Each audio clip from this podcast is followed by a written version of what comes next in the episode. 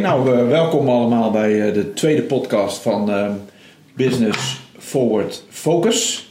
Zo heet onze podcast. En we hebben nu vier gasten aan tafel, allemaal op gepaste afstand van elkaar in verband met de coronacrisis. En laten we even een rondje doen. wie zit er eigenlijk aan tafel? Michiel, mag ik jou als eerste vragen? Ja, Michiel Kuipers, een zelfstandig ondernemer, al 20 jaar.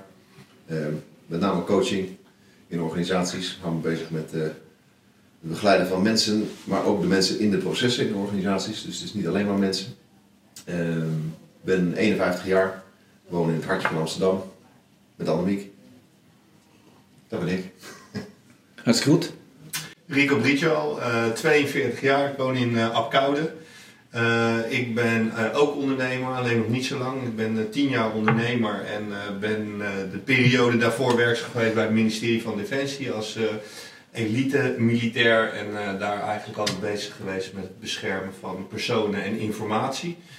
Uh, die twee hebben we nu gecombineerd in uh, high performance teams, die we aan het inrichten zijn voor bedrijven. Dus we focussen ons eigenlijk alleen maar op de mens en niet op de technische vaardigheden. En de mens, door de mens te versterken resultaten te, te boeken. In het kort. Alexa Kuit, um, ik woon in Warmond met mijn drie kids. Um, ik ben ik vergeet helemaal wat ik ben. nou, ik ben uh, expert non-verbale communicatie. Ik was even uh, aan het nadenken over dat ik eigenlijk uh, voor een groot deel doe wat jullie doen. Um, maar mijn vertrekpunt is de non-verbale communicatie. En van daaruit kijk ik wat je impact is als mens en je performance in groepen. Dus ik werk met individuen en teams. En nou, dat doe ik al Lang, 15 jaar ook. Zoiets. Ja, mooi. Lange ervaring. Mijn naam is Patrick Waldhuis. Ik ben uh, ook 25 jaar zelfstandig ondernemer. Uh, daarnaast ook uh, wel wat affiniteit met het militaire. gediend bij Defensie. En ehm, de laatste vijf jaar werkzaam bij Airbus op interim basis. Vijf jaar. maar wel op een hele leuke en verschillende dossiers. Um, nou, en dan is het goed als we nu hier met vier ondernemers zitten. Uh, om uh, onze gedachten die we hebben met de crisis zoals die nu is met uh, corona en wat dat met ons doet als ondernemer, ja, om die met elkaar te delen en te kijken of daar ja, elementen in zitten waar we zelf iets aan hebben, maar ook onze toehoorders mogelijk kunnen denken van hé, hey, zo had ik het nog niet bekeken. Dus um, brand los, zou ik zeggen. Nou, het is misschien ook wel goed om te zeggen wat het, wat het met je als ondernemer doet. Hè. Op dit moment misschien is het goed om even af te trappen, dan hebben jullie ook een beetje het idee. Mm Kijk, uh, wij zijn nu met uh, Hyperteam. Ik heb een aantal bedrijven. Uh, een van de bedrijven zit in die aviation sector. Nou, dan snap je nu, die staat op dit moment stil.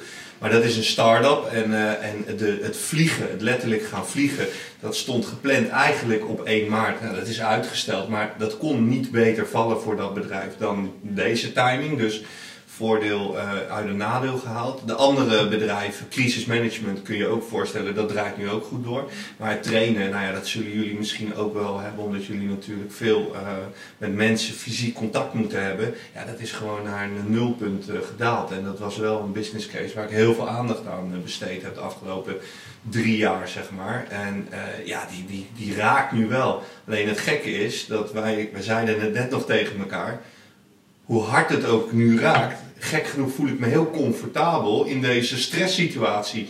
Terwijl ik om me heen heel veel mensen onrustig zie worden, denk ik van, nou, ik voel me eigenlijk wel lekker dat, dit, dat, dat je echt aanstaat. Dus dat is in ieder geval hoe ik het nu ervaar. Uh, misschien hebben jullie uh, andere ideeën?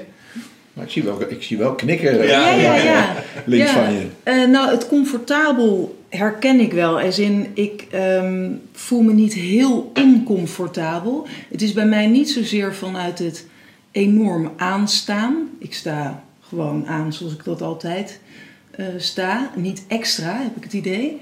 Um, maar het is meer een comfortabel kunnen zijn in het oncomfortabele. Daar heb ik mezelf enorm in getraind de, af, de afgelopen tien jaar. En ik merk dat, daar, uh, dat ik dat dus inderdaad daarin heel erg gegroeid ben. Tien jaar geleden ongeveer ben ik gescheiden. Toen moest ik uh, echt van scratch beginnen. Ik was kort daarvoor ook, had ik mijn eigen bedrijf een beetje stilgelegd. Dat klinkt gek, maar ik ben toen met uh, mijn ex, waren wij met een enorm project bezig. En dat is toen Ehm, uiteindelijk niet doorgegaan en niet heel lang daarna gingen wij ook uit elkaar. En toen moest ik eigenlijk helemaal opnieuw beginnen. Ehm, en die ervaring, daar kan ik nu ook uit putten. Eh, en ik heb, ik heb ook echt wel heel veel vertrouwen in mezelf dat ik dat kan. Ehm, en ik denk ook dat dit voorbij gaat. We weten alleen niet wanneer. En dat niet weten, daar kan ik me heel goed toe verhouden. Maar hoe doe je dat dan? Want eh, de crisis is de crisis en je Mhm. refereert aan een periode van eh, tien jaar terug waarin je denk ik heel veel eh, ervaring opgedaan hebt met Mhm. eh, wow en, dan, en wat nu. Maar hoe doe je dat dan nu? Een beetje hetzelfde. Het- Ik heb wel een doel voor ogen en daar loop ik rustig binnen mijn pad naartoe. En wat er op mijn pad komt, wat me in de weg ligt, daar ga ik mee aan de slag. Maar er is natuurlijk een enorm verhaal daarbuiten. En wat ik merk is, ik lees, ik begin mezelf enorm te ehm, eh, reguleren in wat lees ik wel, wat Ja, lees ik niet. Want ja. ik word daar helemaal niet goed van. Mhm. Ehm, en dat Ja. waar ik echt niks mee kan, dat laat ik ook gewoon even voor wat het is. Want ik kan dat ook echt niet veranderen. Ehm, maar en, dat, is wel, dat vind ik wel interessant hè. ja, Dus je laat datgene wat je niet kunt veranderen, dat laat je voor wat het is. ja, dat is er dus. Ja. En ja, daar heb ik wel of niet last van. Maar, Ja. En het kan zijn dat ik er last van heb. Maar als ik er niks aan kan doen, dan is dat dus even zo. Right. Ja, dat zijn van die factoren die buiten je beïnvloedingssfeer Ja, liggen. ja. En eh, je kan er niks aan, aan doen. Je weet dat het virus er is. Je weet dat het doden oplevert. Je weet dat we nog in een stijgende lijn zitten met de ellende. Dus ook ik ben eigenlijk niet zo geïnteresseerd in wat daar zich afspeelt. Maar ik, ik zat daar van het weekend over na te denken. Volgens mij heb je te maken met mensen die zich bezighouden met focus voorwaarts. Echt letterlijk eh, niet twee maanden hier vandaan, maar misschien wel een half jaar tot een Ja. jaar. Je hebt de mensen die nu focus hebben op het probleem. Hè. Denk even aan al de mensen die in de zorg zijn, aan het werk zijn in, bij dit kabinet. Ehm, en, en alle ondernemers die hier nu een rol in hebben. En je hebt mensen die een soort van bevriezen. Niets doen, eh, zich laten leiden door de situatie. Ik, ik voel me heel comfortabel in de rol dat ik bezig ben met voorwaarts denken. Dat, dat, dat is waar ik, waar ik me in ieder geval eh, heel erg eh, eh, ja, goed bij voel. En op het moment dat ik me ga focussen op alle ellende die nu op de IC's gaande is, ja, daar, daar gedij ik heel slecht bij. Dus, wat doe jij in het nu, zeg maar, om, om jouw huidige... Hè, je gaf al aan met het trainingsstuk. eh daarvan zeg van ja, dat is eigenlijk het enige waar we echt last van hebben. De andere twee elementen van jouw multi-ondernemerschap lopen door. ja. Hè, maar, maar het trainingsstuk, wat doe je daar dan in het nu in? Of denk je daar ook mee vooruit? sowieso vooruitdenken. Want wat ik heel interessant vind, en dan kom ik een beetje op jouw vakgebied, is hoe reageren mensen nu in zo'n crisis? Wat, welke menselijke elementen zie je nu naar boven De komen? reflexen, ja. Ja, die reflectie, dat is één, hè, want we staan eigenlijk gewoon even op pauze. En ik, ook ik ben nu aan het terugdenken.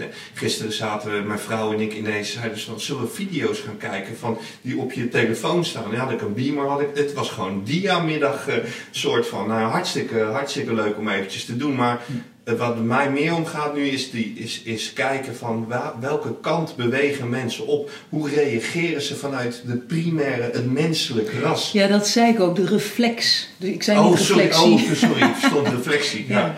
Oh ja, Ja. maar dat is toch, ik vind dat fascin, waanzinnig fascinerend.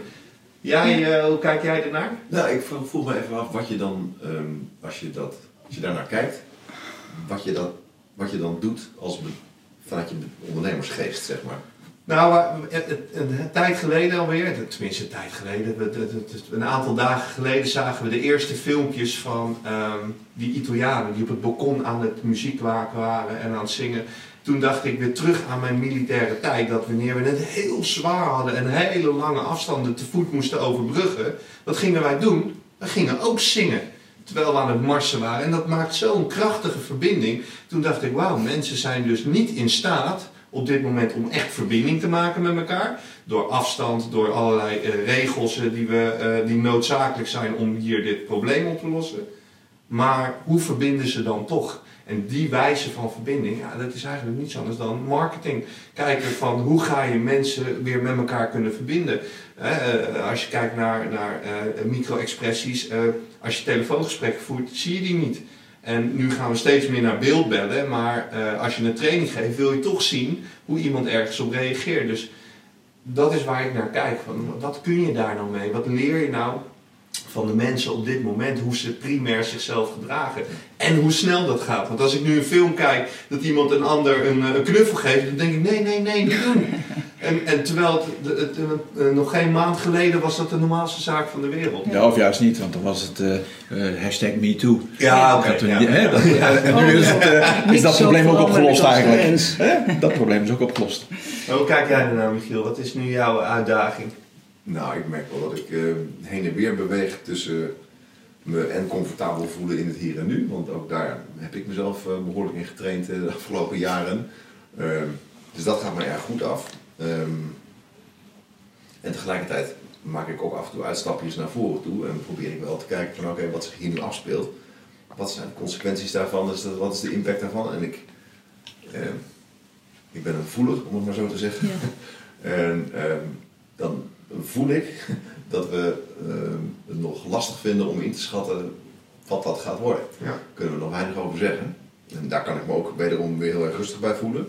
Um, maar het feit dat je uh, totaal nog geen idee hebt wat er komen gaat, maakt het soms ook wel lastig om dan allerlei plannen te doen, uh, plannen te maken. En dat wil niet zeggen dat je uh, dan niks meer moet doen, want ik geloof heel erg juist dat je beetje scenario planning-achtig rekening moet houden met uh, verschillende situaties waar we in, in terecht zouden kunnen komen. Maar nou, ik heb wel het gevoel dat, dat dit een een impact gaat krijgen die ze weergaan niet kent. Dat Ja. is wel wat ik voel. Dus, uh, Ik vind het wel mooi, hè? Want wij kennen elkaar natuurlijk uit een uh, ver verleden.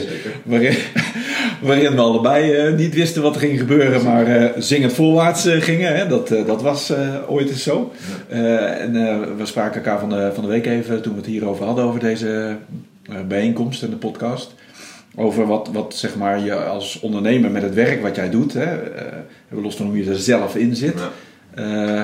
Wat, wat de situatie nu betekent voor jouw opdrachtgevers en voor jou daarin. Ja. En uh, daar, daar klonk ook diezelfde rust die je nu uitstraalt en ook uh, daarover vertelt, die klonk daar ook in door. Want in die rust ben je nog wel volgens mij uh, bezig met je klant. Zeker. Ja, ik, Ja. de lijnen staan nog steeds open, dus ik heb nog steeds contacten met de klanten. Um, Sommige klanten zijn we niet meer aan het factureren. Dat is ook, uh, hoort ook bij deze tijd. Maar we houden de lijnen wel open. Ja, dat vind exact. ik een hele mooie manier Ja. om... Uh, tenminste, ik zei tegen jou al, ik kan daar oprecht van genieten.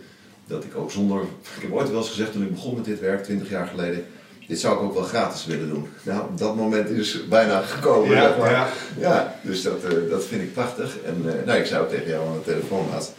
We weten, we weten helemaal niks waar het heen gaat. We hebben geen idee. Niet wat er over een minuut gebeurt en laat staan over uh, weet ik veel, een jaar of over een paar jaar. Uh, we kunnen daar allerlei ideeën bij vormen. Dat bedoel ik even met dat scenario planning. Dat is in ieder geval handig, geloof ik, om dat wel te doen. Dus om niet stil te zitten, maar om je daarmee bezig te houden. Maar vanuit het besef dat je niks weet, uh, is alles dat wat je voorheen altijd dacht wat de waarheid was, ja, daar worden we nu allemaal wel even teruggeworpen op dat dat misschien net even een keer echt even fundamenteel anders in elkaar steekt. En waar hou je je dan aan vast? Ja.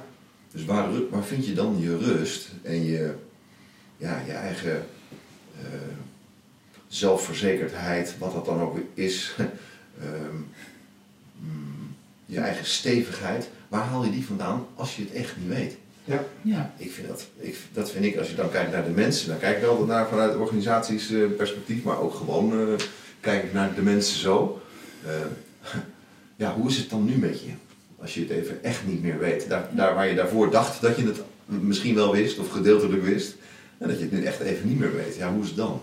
Nou, wat ik wel mooi vind is, de afgelopen jaren zie je natuurlijk heel veel mensen opstaan die het woord van positieve mindset aan het prediken zijn. En, uh, uh, allerlei karaktereigenschappen die je nodig hebt als ondernemer. Maar wat je ziet is dat de afgelopen jaren was dat eigenlijk helemaal niet zo moeilijk om dat te bereiken. Omdat het redelijk soepel ging. Iedereen ging steeds meer naar die zelfrealisatiefase. Alle andere processen waren geborgd.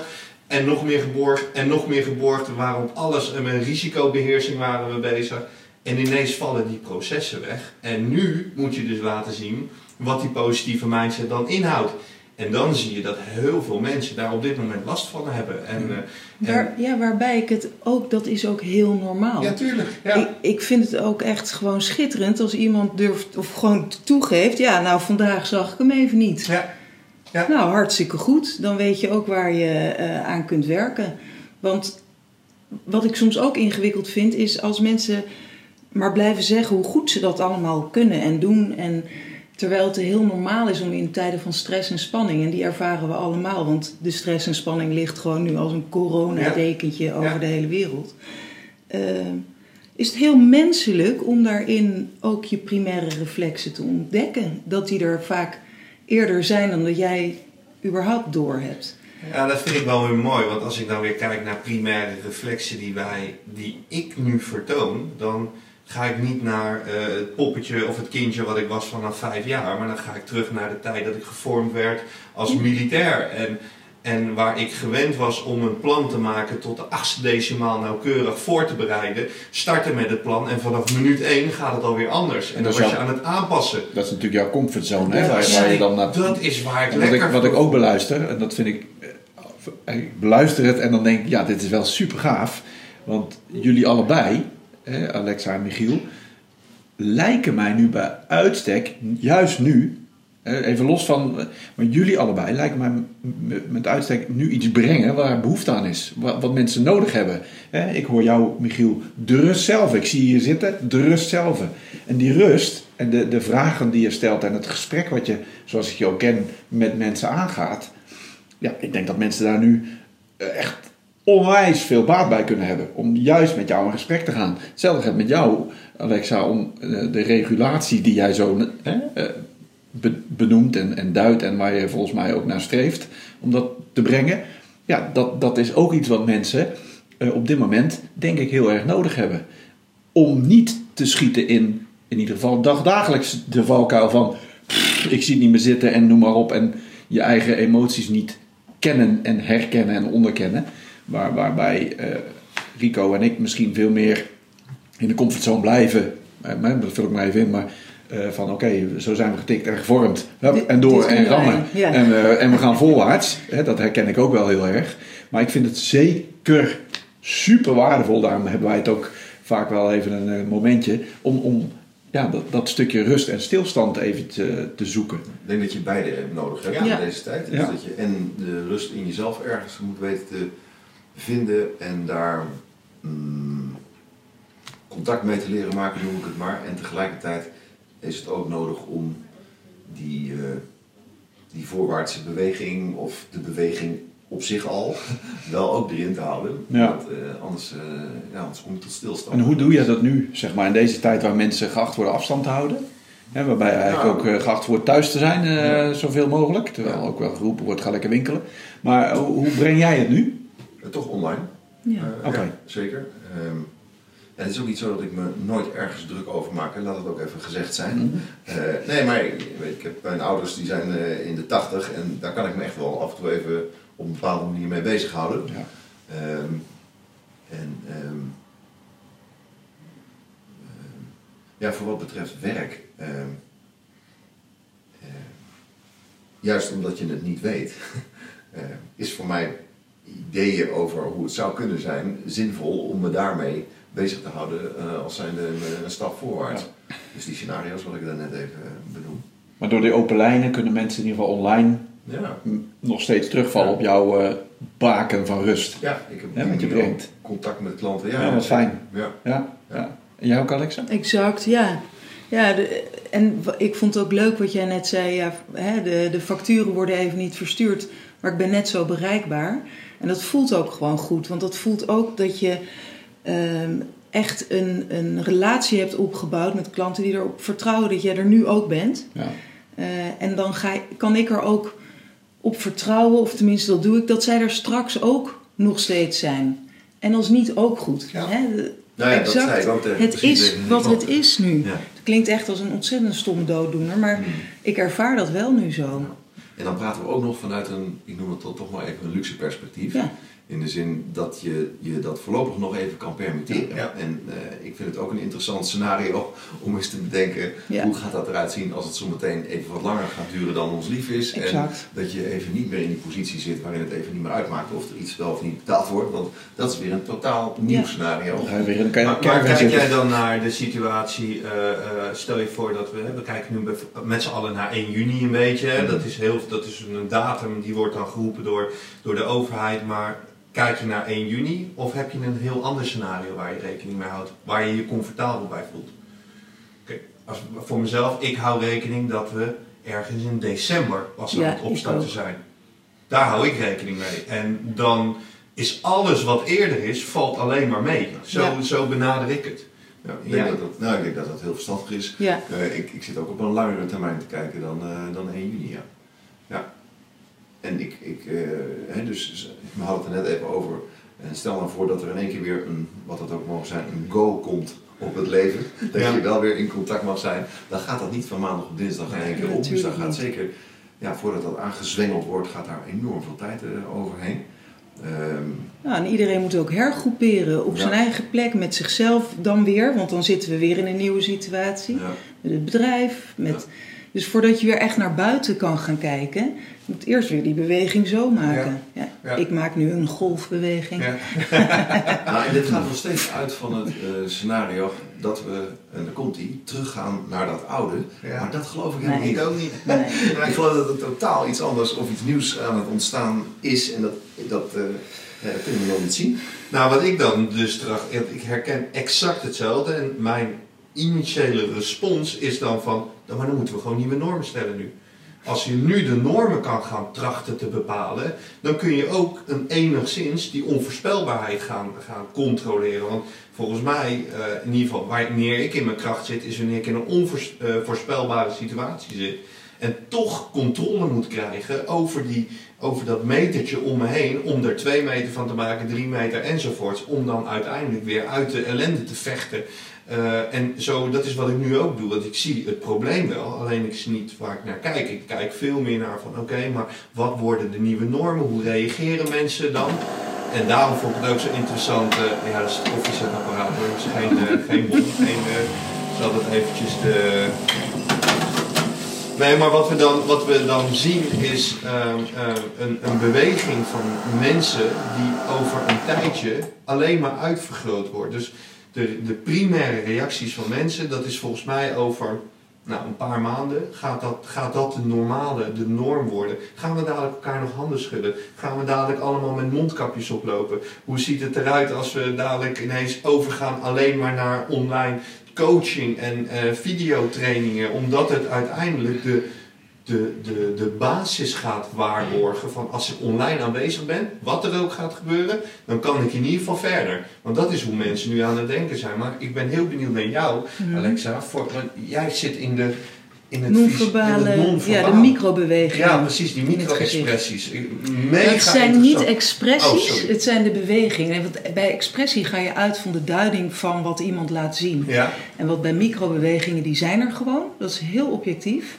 Dus ik zie dat jouw wenkbrauwen omhoog gaan. Ik zie dat jouw oog af en toe een beetje zakt, je bovenste oogleden. Dat, dat is er allemaal. ja. En daar geef ik verder nog geen duiding aan. Als ik je geanalyseerd heb, dan weet ik in welke type, typologie jij valt en wat ik daarover dan kan zeggen. Maar ik zeg dus niet, oh jouw wenkbrauwen gaan omhoog, nu heb je de micro-expressie van verbazing. Nee, precies. Dat nee, weet precies. Nee. Ik weet niet of je verbaasd bent. nee, want je moet Zou een soort van nul, nullijn vaststellen. Een baseline moet je vaststellen. Ja, er is een baseline en daar beweeg jij je tussen. En in- dan kun je duiden of want wat, wat ja, kun je dan, ermee? dan, dan weet ik ehm, persoonlijkheidskenmerken, want die microbewegingen die zijn consistent en die zijn even consistent als persoonlijkheidskenmerken die daaraan gekoppeld zijn. En ik weet wat jouw reflexgedrag is op het moment dat eh, shit hits fan. Of, en dat shit hits fan, als er spanning, de spanning toeneemt, dat kan ook positieve spanning zijn. Hè? Ik heb bijvoorbeeld de reflex van een uitwaartse beweging. Dus als ik blij ben, zie je die. Als ik boos ben, zie je die. Eh, terwijl iemand anders, jij zal meer eh, inderdaad naar binnen eh, gaan. En dat je niet zeker weet wat jij voelt of je voelt. Maar jij voelt veel meer binnen en eh, draagt dat niet zo snel naar buiten toe uit. Dat is een verschil. Ja. uh, zegt niets over de intensiteit van het gevoel. Nee. Het zegt wel wat over de impact die je hebt op je omgeving. Maar wat ik dus heel erg leuk vind, is dat ik in een uur coaching of een uur gesprek, dan mag nog korter, drie kwartier, komt zoveel informatie boven. Ook over behoeftes van mensen in de interactie. Dus wat vind jij prettig? Wat vind je niet prettig? Vind jij het fijn als iemand dichterbij komt? Of ben jij het type wat het prettig vindt om ruimte te voelen?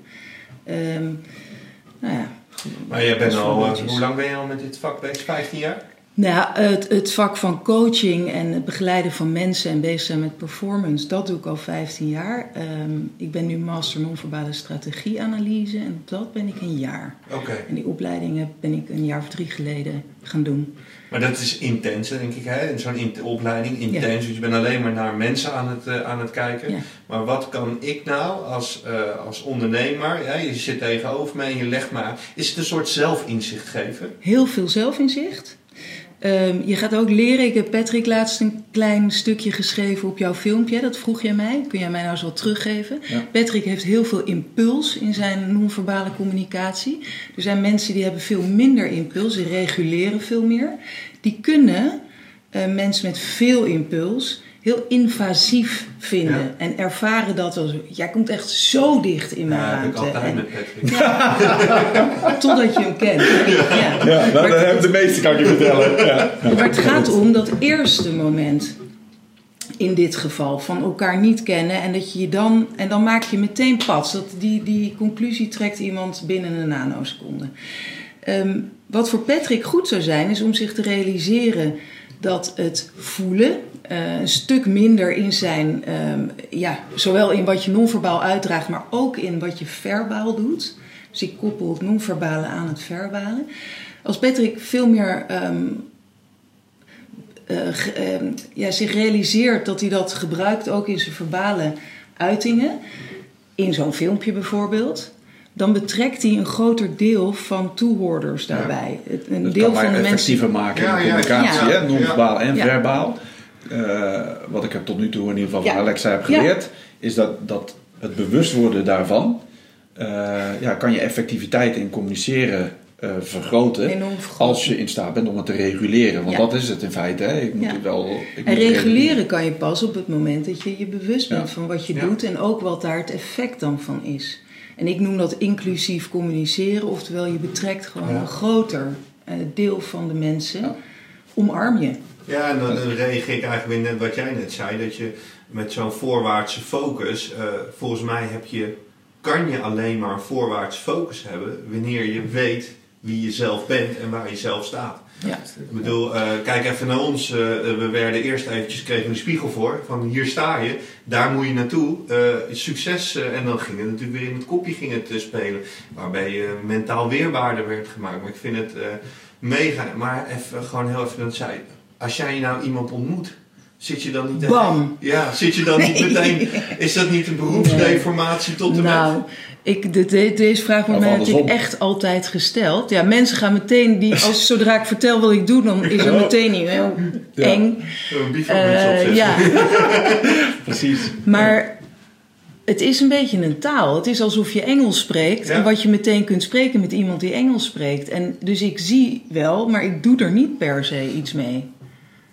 Het is niet iets wat je, uiteindelijk kan je het niet echt meer uitzetten. Nee, dat eh, kan me zo voorstellen, ja. Maar ik kan daar heel, hoor. ontspannen mee omgaan hoor. Ik, eh, Nee, dat snap ik. En, en, en wat ik wel weet, wat het, waar het mij enorm in helpt, is dat ik weet: oké, bij deze persoon is het beter als ik iets meer dit of dat doe. Of als ik mijn woorden zus of zo kies. Als ik eh, een prettige verbinding, contact, respons wil ehm, stimuleren. Want uiteindelijk gaat het daarover, dus verbinden. Ja, ja. Want hoe kijk jij nu naar de situatie in de, over, in de maatschappij in zijn totaal? Waarbij je dus ziet dat mensen nu afstand van elkaar eh, gaan nemen, fysiek, letterlijke afstand. Maar eh, toch zichtbaar wordt al die initiatieven die er zijn. Ja, ik vind dat puur verbindend. En ik kan mij ook, en dat kan zijn omdat ik het ook echt niet zou willen, maar ik kan mij niet voorstellen dat we overgaan tot alleen maar online. Want mijn teamwerk bijvoorbeeld, dat zal je ook herkennen. Als je echt met teams in, in transformatie zit, en dan gaan we soms een paar dagen weg met teams. Ja. dan gaat het heel erg over de energie die je met elkaar creëert. Dat, dat gebeurt echt niet online. No way. Maar dat vind ik als uh, zou ik echt jammer mijn rol vinden. als business developer uh, vind ik eigenlijk precies hetzelfde. Ik kan alleen maar, uh, in ieder geval voor mezelf sprekend, excelleren in wat ik doe als ik met mensen in gesprek ben en fysiek samen ben. Dat is zoals ik het het meest het prettigst echt ervaar. Contact, ja, om, echt om contact. fysiek contact of En zo. nu, ja. nu op afstand uh, merk ik dat ik uh, daarin wat afhankelijker word van uh, responsiveness van anderen. Hè? En mooi dat je open lijn hebt, Michiel, met je klanten. Um, op het moment dat je vooral, waar ik nu naar kijk, is vooral instituten. Defensie bijvoorbeeld. Ja, dan is maar de vraag in hoeverre dat de responsiveness daar op jouw manieren zoals je mensen nu wel nog kunt bereiken, zodat je die krijgt. Dus um, ik, ik vind dat wel lastig, want ik, ik merk dat ik juist heel erg uh, um, goed tot, tot mijn recht kan komen en de dingen goed kan doen als ik met mensen in gesprek ben, letterlijk en fysiek. En daarom vind ik het zo interessant wat jouw vakgebied bestrijkt, uh, Alexa. Want um, juist door me daarvan bewust te worden van die, die uh, gezichtselementen en wat dat doet bij een ander, uh, kan ik bijvoorbeeld veel beter in staat worden. En dus ik kan me daarin ontwikkelen. Als ik mijn uh, business development ideeën, want die lopen toch vaak vooruit op uh, de zeg maar, algemene opvattingen, om die beter gedragen te krijgen. En dat is waar, ik echt nog een hoop in te doen heb, merk ik. En dat als je ideeën brengt, dan zit er misschien links of rechts de gelijkgestemde die zeggen, ja, ja, goed idee. Maar het merendeel zegt van, joh, we hebben het over gast. Want, ja, ik haak af. Ik haak ja. af. En dat, dat kan ik, zeg maar, uh, beter gaan doen. Ja. Door onder andere gebruik te maken van jouw tips uh, rondom uh, de gezichtsexpressie en regulatie daarin. En de combinatie met je woordkeuze en de manier waarop. Ja. He, dus het, het, is eigenlijk een, een, een combinatie van non-verbaal en verbaal, waarbij het non-verbale ook de lichaamshouding, de manier waarop je jezelf draagt, gebruik van je stem, al dat soort dingen, dat Ja. doet allemaal mee. Ja. We hadden laatst een call met eh, twaalf mensen, ongeveer, 10, 12 mensen. En het aparte is dat als die in een één ruimte zitten en je komt binnen in een overleg of wat dan ook, dan zou ik bijna willen omschrijven, omschrijven dan voel je de energie. en als iemand iets Ja. zegt of andere mensen hebben interactie met elkaar, of je ziet hoe iemand kijkt naar iemand anders, of hoe Ja. iemand non-verbaal reageert op wat iemand zegt, dat mis je in zo'n call. Ja. Aan de andere kant, wat ons ook opviel, was dat je aandacht voor de spreker is zoveel malen Ja. groter Ja. dan eh, als je daar gewoon met elkaar in een, in een grote ruimte zit. En dan ben je toch kennelijk sneller afgeleid. En nu word je, je wordt echt gefocust en gebracht bij het beeld en bij de persoon die je dan op dat moment ziet. En dat kan wel helpen, ook in, in herkenning of eh, dat je wat specifieker misschien wordt in de interactie met die persoon die op Ja. dat moment aan het woord is. Ehm, specifieker nu dan anders. Ga je dan ook jouw... Sorry, eh, sorry Rico, maar dan, want ik vind het super eh, Ja. interessant wat je nu zegt. Met name als ik dan kijk naar jou Alexa, betekent dat bijvoorbeeld voor jou dat jouw adviezen en, en eh, zeg maar ook meer rekening gaan houden met dat je dus inderdaad nu niet meer zo in een ruimte zit waardoor je mijn armbeweging bijvoorbeeld nou niet ziet. Hè, maar dus je hooguit een gezicht ziet op een scherm en de intonaties van stemmen hoort. Gaat jouw advies daardoor ook eh, eh, anders Ik, dat zijn? weet ik nog niet, want ik, heb, eh, ik ben nog niet met teams aan de slag gegaan. Ehm, ik heb mezelf ook voorgenomen dat ik teamsessies over thema's. ehm, lijkt mij prima voor mij om zo te doen. Maar het echte teamwerk, wat ik net ook benoemde, dat je in transformatie met elkaar bent, dat ik. Ik wacht nog even hoor, of dat straks niet gewoon weer met elkaar eh, in een mooie kring rond een kampvuur eh, kan. Dus dat weet ik nog niet. Ja. Daar kan Nou, ik ik- echt nog geen antwoord op Ik geven. wilde wel op reageren, want wij hebben dat wel getracht Ja. te doen. Ehm, wat je nu ziet is dat... eh, Wat, heb, beginnen wat heb jij wel gedaan? eh, om, om teams in een, in een synergie Online te krijgen training. online. Oké, ja. check. We hebben vorige week de eerste training daarin gegeven. Eh, je kan dit niet meer doen dan met maximaal 10 mensen. Want dan wordt het. we hebben ze een aantal opdrachten. We wilden. De, de doelstelling intern was. Zorg dat je een experience learning kan aanbieden digitaal. Nou, dat is mega uh, uitdagend, want normaal gesproken zetten we een hond in de kamer die, uh, die dreigt te grijpen. Uh, we gaan het, de spanning omhoog brengen. Je gaat mensen in een situatie brengen waar je misschien wat minder slapen minder eten. Om naar, dat natuurlijke gedrag van de mens te kijken. Dat hebben wij gedaan. Ehm, gaf onwijs leuke resultaten, alleen het is gebaseerd op nu. Long distance teams nou, ik ben heel erg gewend om met een groep mensen te werken, solistisch op de meter. Maar uh, in een wijde omtrek van een kilometer zaten er misschien wel 10 of 12 andere mensen die met exact hetzelfde doel bezig waren. En dat hebben we getracht te doen in een online training, long distance team trainingen. En ik vond dat daar, um, nee, de synergie, daar moet je op doorwerken die er al bestaat. Maar wat ik heel mooi vond is de communicatie. Want volgens mij gaat het op dat moment echt over jouw vakgebied communicatie. Ja. En we hebben een twee jaar geleden hebben wij een oefening gedraaid fysiek. Waarbij we een groep van, eh, het team bestond uit 13 mensen, twee leidinggevenden. Um, wij hebben ze koptelefoons laten opzetten met een microfoon en one-way traffic. Dus je zit in één ruimte, maar er is er maar één die kan praten. Dus de aandacht voor de spreker gaat mega goed omhoog. Mensen gaan hun woorden veel beter en zorgvuldiger kiezen. Um, en de, de, er zit minder emotie in. Dus je komt veel meer tot de kern. Heb ik niet zelf verzonnen. Ik heb dit uit de Formule 1 heb ik dit uh, gehaald. Want dat is de wijze hoe zij daar debrieven. En dat hebben we getracht in een business team. En dat gaf ook waanzinnig gave ja. resultaten. Dus ik sluit helemaal aan Super bij jou. interessant. Heel gaaf. Ja. Ik kan me dat ook echt heel goed voorstellen. En vooral omdat dat stukje van die emotie dan en die uh, pure focus. Uh, ja, interessant. Terwijl je aan tafel zit met elkaar. En dat vond ik, een, dat vond ik juist de, de, de, want de energie die je als, als toehoorder hebt die is bijna uh, groter dan dat, je, dan dat je mensen gewoon vrij laat praten en met allerlei uh, lichaams... Je ziet iedereen netjes zijn handen op elkaar houden en de woorden die komen zo tot de kern van de uitdaging of het probleem wat op dat moment gedebriefd moest worden, dat de oplossing er eigenlijk meteen achteraan kwam. En dat hebben we nu getracht te doen in een in een training. En uh, nee, het is niet uh, op, op, uh, op 100 punten. maar we hebben wel gedacht, nu is het moment om mensen toch die vaardigheid bij ja. te brengen. Om op afstand met elkaar te communiceren. Want het is, uiteindelijk is het een vaardigheid, technische vaardigheid om te leren. En als je die gedisciplineerd aan houdt, kun je best een eind komen. Alleen, er komen natuurlijk allerlei andere dingen bij. Van uh, hoe zit je in je hoofd? Hè? Je kan wel A zeggen, maar voel je ook A? Terwijl je gezin of je vrouw misschien wel in een risicocategorie zit en je druk maakt. Of je kinderen of moeders, vaders. Iedereen is natuurlijk met zijn eigen dingen nu uh, bezig. Dus ik, ik, ik, ik vraag me af uh, hoe effectief het is op het moment dat het dadelijk erger gaat worden.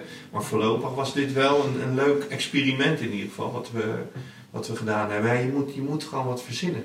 Maar ik vind het wel grappig dat je, je leert dus nu door de situatie die er is, hè, los van alles wat je over jezelf leert, van hoe ga ik met zo'n situatie om, leer je vak inhoudelijk of communicatief, leer je ook dat op afstand uh, je mogelijk je woorden anders gaat kiezen, dat je uh, intonatie ook een andere wordt, dat je ook beter luistert wellicht naar dingen. Maar tegelijkertijd, als ik het zo beluister, merk dat bij mij de vraag door mijn hoofd heen gaat van... oké, wat zegt dat dan over als we bij elkaar in een ruimte zitten... hoezeer al het andere afleidt van die ja. boodschap? Want mm. ik zie nu mijn handen bewegen omdat ik iets vertel. En in hoeverre is dat nog bijdragend aan de boodschap die ik wil brengen... of leidt het eigenlijk alleen maar af? Ik, het is toch wel grappig dat dat nu dan uh, noodgedwongen even aan de kant wordt geschoven... En dan gaat het alleen nog maar om taal. Maar hoeveel procent van de communicatie van mensen is mm. non-verbaal? Ja, daar, daar, daar uh, wisselen de uitspraken over. Dat zit ergens tussen de 80 en de 90. Dat, dat is non-verbaal. Die non-verbaal. Dus, dus de als impact je, ervan. Dus dan kijk het even naar de strategie om iedereen slechts de woorden, want dat is een procent of zeven zo volgens mij uit. Ja, maar ook dit is een waarheid mm -hmm. die is bedacht. Ik zeg niet dat het de waarheid okay. is, ik zou het niet weten. Ja. Ik weet alleen dat het heel groot is. Ja. Maar ik weet ook, hè, normaal gesproken zit je ook wel eens aan de telefoon zonder beeld. En dan hebben de woorden heel veel impact ja. in combinatie met de stem. En de intonatie en de toonhoogte. En, hè, want op stem hoor je ook veel spanning, of ja. niet. Ja. Of dat het heel relaxed is. Um, maar ik, ik, ik vind het altijd zelf heel ingewikkeld om dan een heel hard percentage te roepen en te zeggen: en dat is het. Ik weet het niet. Maar het is een groot. Het heeft een heel groot aandeel in de communicatie en met name hoe de ander jou ervaart. Want het begint al op het moment dat je elkaar ziet. Als ik het parkeerdek kom oprijden en ik zie Michiel die ik nog niet ken, heb ik in een split second een oordeel. Ja. Aardig, niet aardig, leuk, niet leuk. Zo, eh, die is oh, groot. Even kijken. Oh, Zo, wie wie is groot? dat? I don't know. Ja. Van alles. Er gaat, gaat, gaat een heel aantal en daar kun je moeilijk over doen. En zeggen, nee hoor, ik oordeel niet. Nou, dat vind ik dan heel knap. Dan wil ik heel graag bij jou eh, in training. Want ik oordeel de hele dag Ja. door. Dat heeft ook iets met onze overlevingsdrang. Ja, dat doen we zeker. gewoon. Eh, maar dat, dat, dat is op wat je ziet. En op basis van wat je ziet, en dat, daar heeft af, alles al mee te maken. Hoe staat iemand, hoe kijkt hij, alles. Maakt hij contact of niet? Hè, Er zijn ook mensen die zijn van zichzelf heel verlegen. Die kijken eerst even langs je. Ja. Heeft ook impact meteen. Ja. Allemaal kleine dingetjes. Ja, maar het zijn best een- grote dingen, hè? het- ja, kleine dingen met een groot effect. Ja. ja. Maar dat is precies wat ik bedoel. Want op het moment dat we dus gaan kijken nu naar de situatie dat je. Hè, ik, ik haal altijd WhatsApp erbij. Tot de emoticons eh, eh, kon je een platte tekst kon je op 49 manieren interpreteren. Nu plaatsen we er allemaal van die huil-emojis en smile-emojis. op. Weet je niet van wat je bedoelt? Oh, dat, dat- dus er zit, Soort we hadden toch wel een soort van emotie nodig in dat tekstbericht Voor begrip. om begrip te krijgen. Want er was zoveel miscommunicatie op dat onderwerp. Ook een e-mail die volkomen ontspannen eh, geschreven is. Wordt gelezen door iemand die helemaal tot daar eh, niveau gefukt zit. En die leest een heel ander, eh, een heel ander bericht. Ja, dat vind, ik vind het waanzinnig interessant. Want we hebben natuurlijk wel eens vanuit het verleden met mensen gesproken die gedwongen aan onze tafel werden gezet. Waar informatie uitgehaald moest worden. Eh, ja, dan, dan zit je in een hele andere onevenredige machtsverhouding natuurlijk. Hè, als er een, gevangene of een verdachte eh, zit. Maar wat ik heel interessant daaraan vond, was toen we dit bij de advocatuur bijvoorbeeld gingen bekijken. De advocaat stelde een vraag, keek naar zijn blaadje om uiteindelijk aantekening te maken van hetgeen wat er gezegd werd. En wij zaten te kijken van ja, maar waarom kijk je nou niet naar iemands eh, gedrag? Je mist alles. Je mist alles wat hij, eh, hè, van nou, het klopt niet of het is eh, A, B, C, want dat heeft hij gezegd. Maar zijn fysiek zei iets heel anders. Ja. Ja, en dat vind ik, die combinatie. Dat, Ja, de congruentie of de niet-congruentie, ja. ja, ik vind het zo interessant. eh. Hey, even een, eh, een, want we zijn alweer 42 minuten Ja. onderweg. Wat, wat is de, de, de, voor jou de, de voorwaartse eh, focus? Hoe ga je, kun je daar iets meer eh, over duiden, jij als ondernemer? Haha. Oh. Ehm, nou, wat ik doe nu om voor straks ehm, is veel op LinkedIn schrijven. Schrijven is voor mij sowieso iets waarbij ik mentaal gezond blijf. Ehm, ik geef veel van mijn inzicht en kennis gewoon in kleine stukjes of in, in, in vlogjes. Ehm, mijn voorwaartse focus zit hem ook in het gewoon contact onderhouden met mijn eh, klantbasis. Ehm, en het opdoen van nieuwe contacten. Ik ben nog niet zo heel erg indringend bezig met hoe ziet mijn type werk er straks uit. Ik heb wel een, een eh, module toegevoegd aan wat ik doe, namelijk online coaching. Ja. Of online analyse van, ehm, van jou als ehm, ondernemer of iemand die daar behoefte aan heeft vanuit wat hij elke dag te brengen heeft. Ehm, om te kijken naar wat is jouw impact en wat is je vraag daarop. Want mensen moeten wel, ik, ik kan niet zomaar, ik kan honderdduizend dingen zeggen, maar even vanuit de behoefte, wat wil je weten en waarom wil je dat weten? En dan maak ik daar eh, met diegene in gesprek, analyseer ik dat en geef ik tips en adviezen. Ehm, maar dat is ehm, wat ik nu doe. En ja, ik heb niet het idee dat voor mij het er straks, ook al is de wereld heel anders, dat ik iets heel anders moet gaan doen. Ik heb juist het idee, als ooit non-verbaal, dan misschien juist wel Ja, nu. nu, Dus in ja, dat opzicht. Ja. heb ik eh, het idee dat ik het, dat ik, ben ik vooral nog een keer extra blij dat ik zo met mijn vak kan en mag bezig zijn. Ja, dus je bent het echt. Ja, Je voelt het ook dit echt. is wat ik het aller, Ja. allerleukste vind ook om te doen. Ja, maar misschien zit daar wel de kern van de oplossing in. Dat heel veel mensen op dit moment iets doen met de focus geld verdienen, geld verdienen, geld verdienen. Terwijl als je doet wat je echt heel mooi vindt en leuk vindt, dan is Ja. dat factuurtje ineens niet meer zo Wat belangrijk. Michiel dan ook al zei. Dan Hij- wordt op hij op een gegeven moment ook, maar tuurlijk. Daar moet je weer naartoe werken. En als je nu inderdaad het, eh, je hart open kan zetten voor andere mensen en eh, inderdaad kan delen, dan ga je op enig moment ga je kunnen vermenigvuldigen. Alleen ja, eh, hoe lang dat duurt en eh, die onzekerheid, dat maakt het dan weer spannend. En jij, wat is jij, jouw voorwaartse focus? Nou, die zit hem zeker in eh, daar waar er ehm, zeg maar even onrust is, waar we het net even over hadden. Als ik daarin voor mensen iets kan betekenen in de zin van rust, dan ehm, zonder al te veel reclame te maken, maar daar ben ik, nee, maar ja, daar ben ik wel een aangewezen persoon voor. Ja. Eh, omdat absoluut. dat, ja, dat is wel het effect wat ik ook heb op mensen. En niet zozeer dat het misschien prettig is om met een rustig iemand te praten, maar meer eh, hoe krijg ik dat bij mijzelf voor elkaar. Dat is allemaal een. eh, Heb je dan een, een, een, een, een, een soort van hoofdtip die je dan kan geven? Hoe, krijg je, hoe kom je weer tot rust? Stel je voor, eh, ik eh, kom eh, thuis dadelijk en ik ben helemaal over de rode, want mijn, mijn economische situatie gaat ineens met sprongen achteruit en morgen heb ik een probleem. ja. Wat, wat zou je, hoe, hoe, creëer je rust bij iemand? Ja, er zit zit heel veel verschil tussen ehm, echt een paniekmoment, zoals je nu bijvoorbeeld even omschrijft. Ehm, dan weet ik niet of dat het juiste moment is om dan een eh, reflectief eh, gesprek te hebben over waar het allemaal vandaan komt. Want ik, maar, want ik geloof meer dat er een tijdje later, als je daar naartoe terug kan kijken, dat je er dan heel veel van kan leren. Dat is net als dat je, stel dat je strijd hebt eh, thuis of op je werk, dan kun je wel heel wijs in het moment proberen om daar iets van te maken. Maar ik geloof veel meer dat op het moment dat de emotie die altijd komt en weer gaat, als die er op een gegeven moment eenmaal, eenmaal wat, wat gekalmeerd is, dat je dan ongelooflijk veel kan leren over, oké, en daar komt hij, wat was dat eigenlijk binnen in mij? Ja. Want hij was wel voor jou, hè? Dus, dus dat, dat is wat ik het meest zinvolle vind om, eh, om eh, de rust te vinden, is het pad naar, maar hoe, hoe ben ik daar dan zo onrustig, hoe, hoe ben ik zo onrustig geworden? Waar, waar, waar, waar zitten de triggers in mijn buitenwereld die ervoor zorgen dat ik in mijn binnenwereld onrust ga ervaren? Ja, en, want daarbuiten daar gebeurt van alles en dat zal eh, tot in lengte van eeuwen nog door blijven gaan. Maar wat het doet met jou, zegt alles over jou.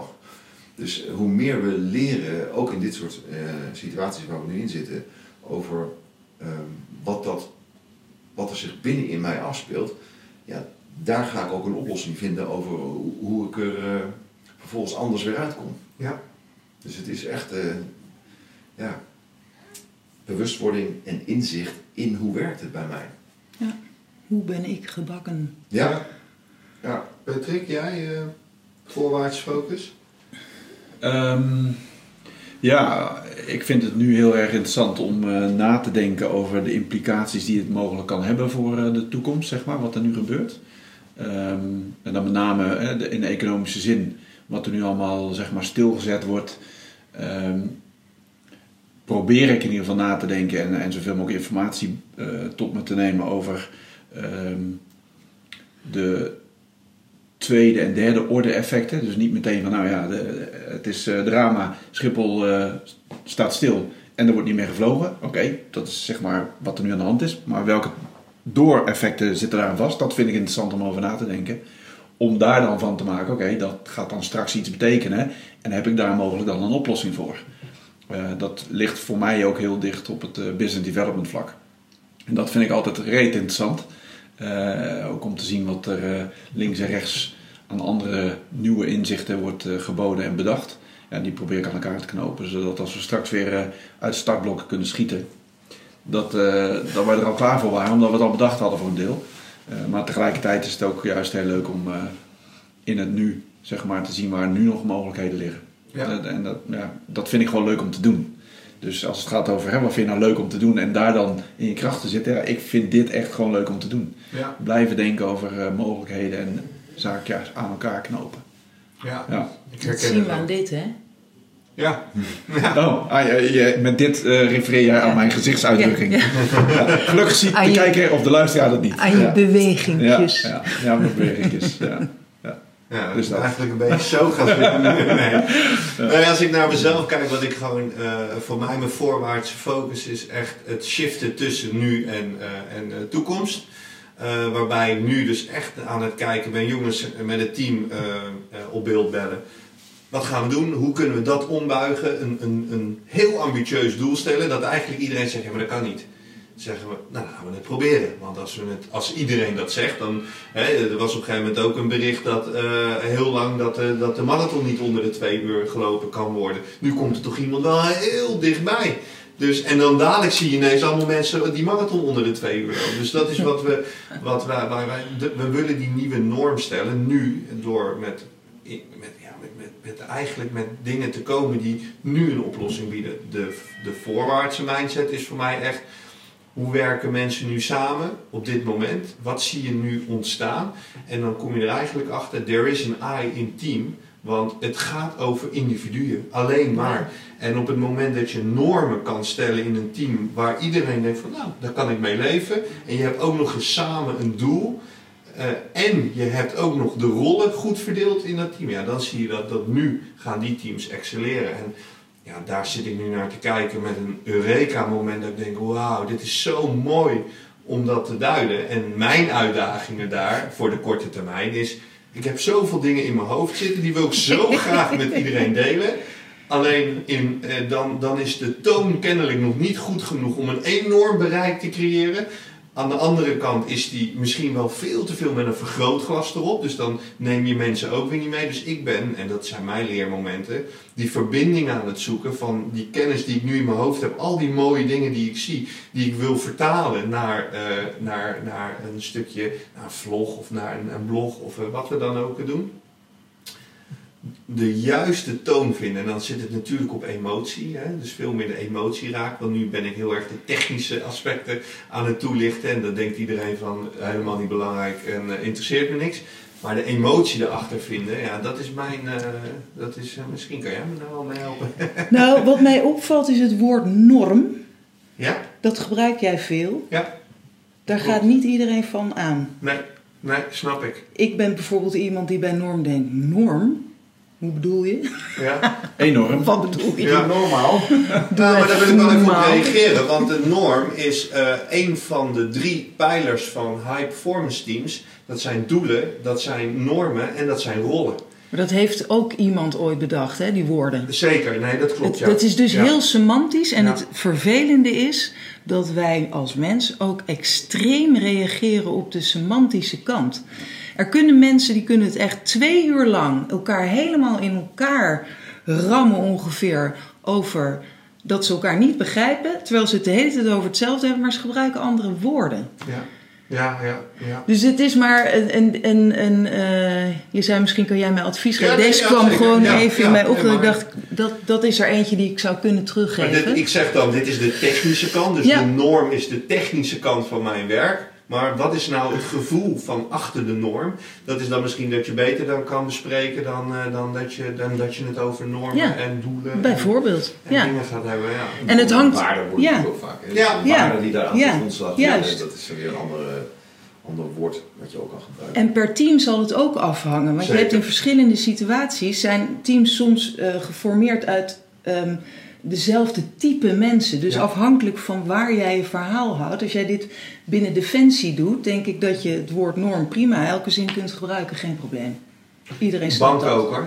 Werkt er perfect bij. Ja, nou, en er Gek zullen genoeg. andere Ja. type omgevingen zijn waarbij die wat minder landt. Ja.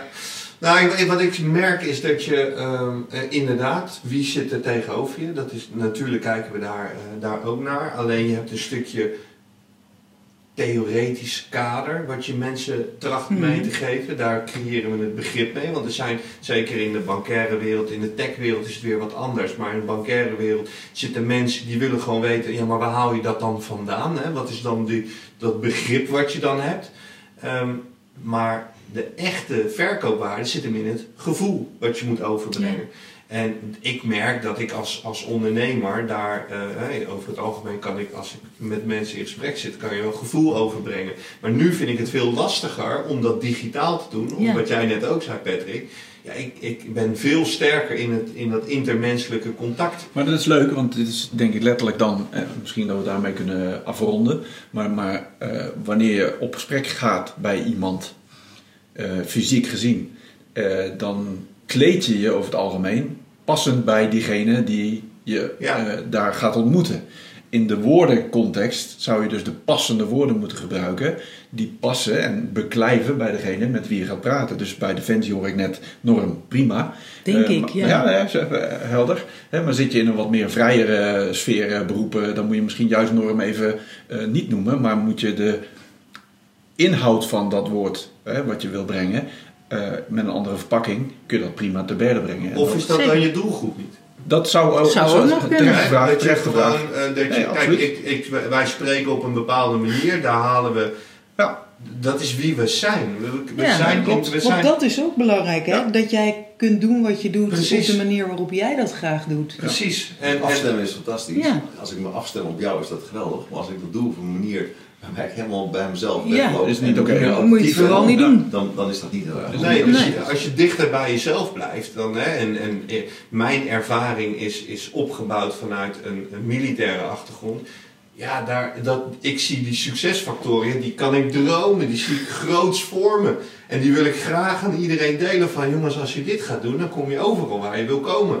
Alleen je merkt dat niet iedereen daarop zit te wachten, omdat er veel meer die intermenselijke relaties, die, die, die veel meer gebaseerd zijn op, op softe elementen.